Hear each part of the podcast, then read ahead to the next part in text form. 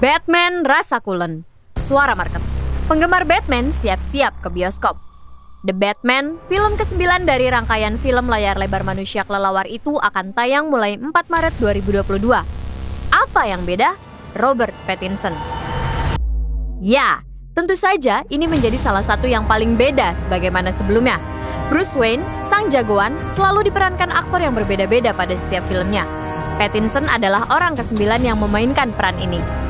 Sebelumnya, ada Louis G. Wilson, Robert Lowry, Adam West, Michael Keaton, Val Kilmer, George Clooney, Christian Bale, dan Ben Affleck. Bedanya, Pattinson sudah sangat melekat dengan peran Edward Cullen di film Twilight. Inilah tantangan terbesarnya.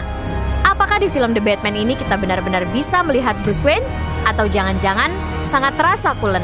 Hmm, jangan sampai Batman rasa Cullen.